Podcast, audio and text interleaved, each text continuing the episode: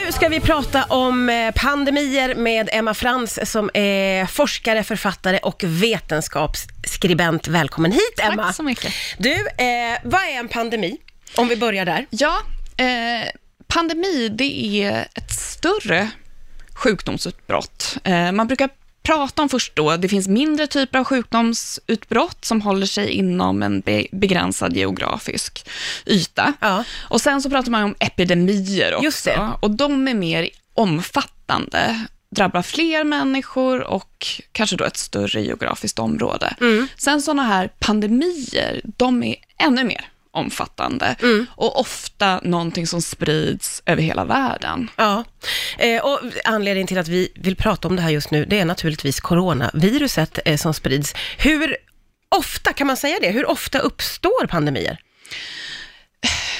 Ja, det är lite svårt att säga. Det är inte jättevanligt. Den senaste eh, som man har liksom, eh, Världshälsoorganisationen har klassat som en pandemi, det är ju den här svininfluensan, H1N1, Just det. 2009. Ja, Eh, och innan dess, eh, man, alltså en pågående epidemi, eller pandemi är ju HIV också. Ja, det är ja, också ja. någonting som har spridit sig över hela världen. Så, så det är, sen så hur ofta de kommer, det beror lite på och, och det här förutsättningarna för att en pandemi ska spridas beror på olika faktorer som förändras i samhället över tid. ja. Vissa typer av samhällsstrukturella förändringar och också eh, hur liksom, sannolikheten att de här överförs. För ofta, pandemier startar ju ofta med att eh, en smitta sprids från djur till människor. Ja men precis, för det där är ju en av mina frågor, vart de, eh, och det, då är Just det lite sådär, äh, Zoonos brukar det kalla just sådana här smittor som sprids från djur till människa. ja, Så det kan vara en sorts, ett virus till exempel, som finns eh, hos en naturlig reservoar, brukar man kalla det för. Alltså ett djur som det här viruset finns Ja. hos och sen sprids det över till människor, ja. vilket då kan innebära att det smittar vidare och att det kan då i förlängningen spridas över hela världen. Och eh, det här med, eh, ja frågan hur rädd man ska vara för en pandemi eller för coronaviruset nu då i synnerhet. Eh, jag upplever att det är ändå en ganska lugn stämning i Sverige. Vad säger du Emma? Ja, men det tycker jag nog att det är och det tycker jag också att det bör vara. För vi har, vi har ju ett rapporterat fall i Sverige, men det här är också en person som har isolerats. Eh, så att jag, jag, och liksom just den här smittspridningen utanför Kina är ju i nuläget minimal skulle man kunna säga. Eh, så att det är ju framförallt i Kina det här sker och sen så Världshälsoorganisationen WHO, de utlyste ju nu ett internationellt nödläge. Men Och sånt de, gör ju att man blir lite så, oh, nu känns det läskigt. Absolut, eh, men det, anledningen till att man gjorde det, det är ju framförallt att man är oroad att det här ska spridas i länder där man inte har så himla eh, välutvecklat eh, hälso och sjukvårdssystem. Eh, om det drabbar väldigt fattiga länder så kan det här ha negativa konsekvenser, för det är ju ändå en rel- alltså dödligheten verkar vara väldigt låg, Ja. väldigt och väldigt, men först pratar man om 4 procent, nu pratar man om lägre. Eh, Så att lägre än tidigare eh, sådana här smittspridningar av coronavirus, som sars till exempel. Ja, just som kom det. I början på 2000-talet. Ja. Så det, här är, det var också ett coronavirus, och de här Okej. liknar varandra på Ja. vissa sätt, men dödligheten verkar vara lägre i det här nya coronaviruset. För det vi har hört om coronaviruset är ju att det sprider sig snabbare än sars, har jag för mig. Ja, det verkar ju sprida sig snabbare. ehm, och varför vet man inte riktigt, men dödligheten verkar i alla fall vara lägre. Eh, Men det verkar ändå vara en, en hyfsad hög andel som behöver då, eh, sjukvård och som blir allvarligt sjuka. Ja, och i ett land då som kanske inte riktigt klarar det, eh, så kan det här bli ett jättestort problem. Ja. Men jag tycker som sagt var inte att man ska vara rädd här i Sverige och vi har liksom bra beredskap för att ta hand om Ja, eventuella fall. Ja. Det, det kom ju ett plan hemflygandes med eh, svenskar som landade eh, ja, någon gång under senaste dygnet. Eh, och då har jag sett nu under eftermiddagen här så det, eh, har det dykt upp viss kritik mot att de har satts i frivillig karantän. Alltså man har inte tvingat de här personerna att vara i karantän. Och vissa tycker väl att det känns obehagligt. Vad tänker du kring det?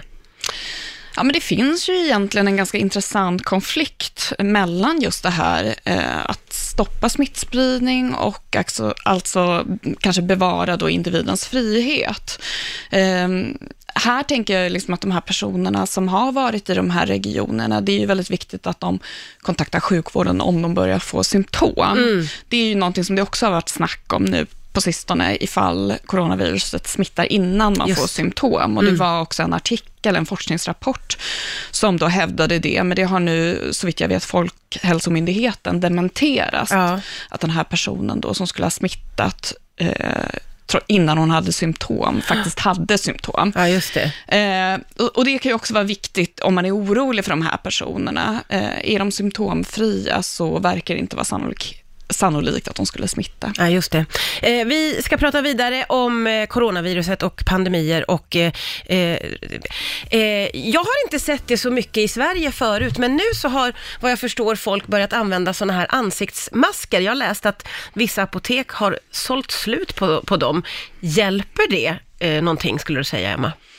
Alltså, jag tycker att man får lite olika uppgifter här, men Folkhälsomyndigheten, de rekommenderar inte sådana här munskydd. Okay. Eh, och menar då att det inte eh, skyddar mot smitta. Eh, och det finns också, har jag läst, lite vissa som hävdar då att om man använder de här munskydden på fel sätt så kan det till och med öka risken för smittspridning. Jaha. Men sen så är det lite olika, för jag vet att andra myndigheter, WHO i deras asiatiska region, de rekommenderar inte för liksom friska allmänheten, men ändå för kanske personer som upplever symptom och folk som då eh, jobbar med, med att, eh, alltså vårdpersonal. Ja, okej, okay, mm. okej, okay. men då är det mer för att inte smitta vidare då? Eller? Ja, jag, jag, vet inte riktigt, men, men där, där kanske också handlar om att, att eh, personal som jobbar med det här, de vet hur man använder dem på ett ja, korrekt ja, ja. sätt. Och, och de som då är, ja, precis som du säger, att de som då har symptom, att för dem kan det kanske minska risken att mm. de sprider det vidare. Men mm. det, är, det, är, lite oklara bud, ah, okay. tycker jag faktiskt. Men eh. det finns liksom egentligen, det verkar i alla fall inte finnas någon som rekommenderar att allmänheten Nej. rent liksom generellt ska gå ut och sätta på sig sådana här. Nej, just det.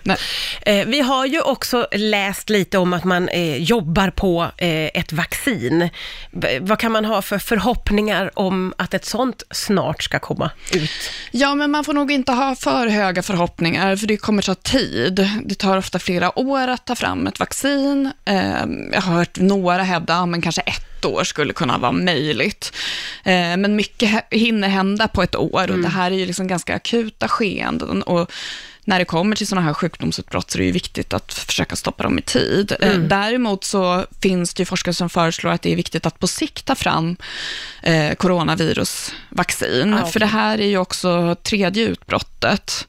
Eh, eller antivirala mediciner som hjälper mot olika typer av coronavirus. Vi mm. har ju haft eh, under 2000-talet så är det här tredje eh, ja, ja, ja. sjukdomsutbrottet. Men har man inte jobbat på det innan då? Det har liksom inte...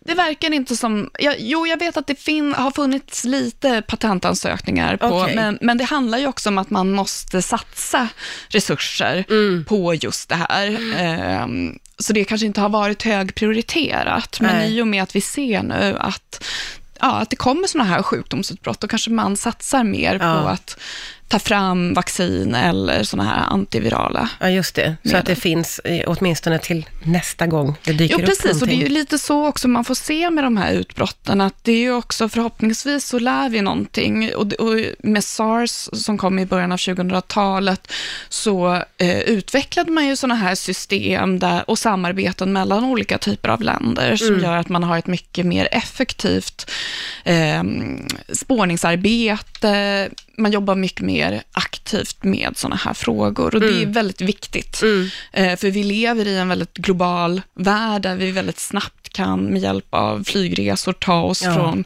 olika delar av världen, vilket vi kanske inte kunde tidigare och då kanske inte smittor kunde spridas. Nej, just det. Det är lite andra världen. förutsättningar, Exakt, så då säga. måste man också eh, ha en beredskap för det. Ja, just det. Eh, Emma Frans, jag är jätteglad att du tog dig tid att komma hit idag. Eh, väldigt eh, lärorikt och eh, ganska lugnande tycker jag också. Tack ja, snälla för att du kom till Rix FM.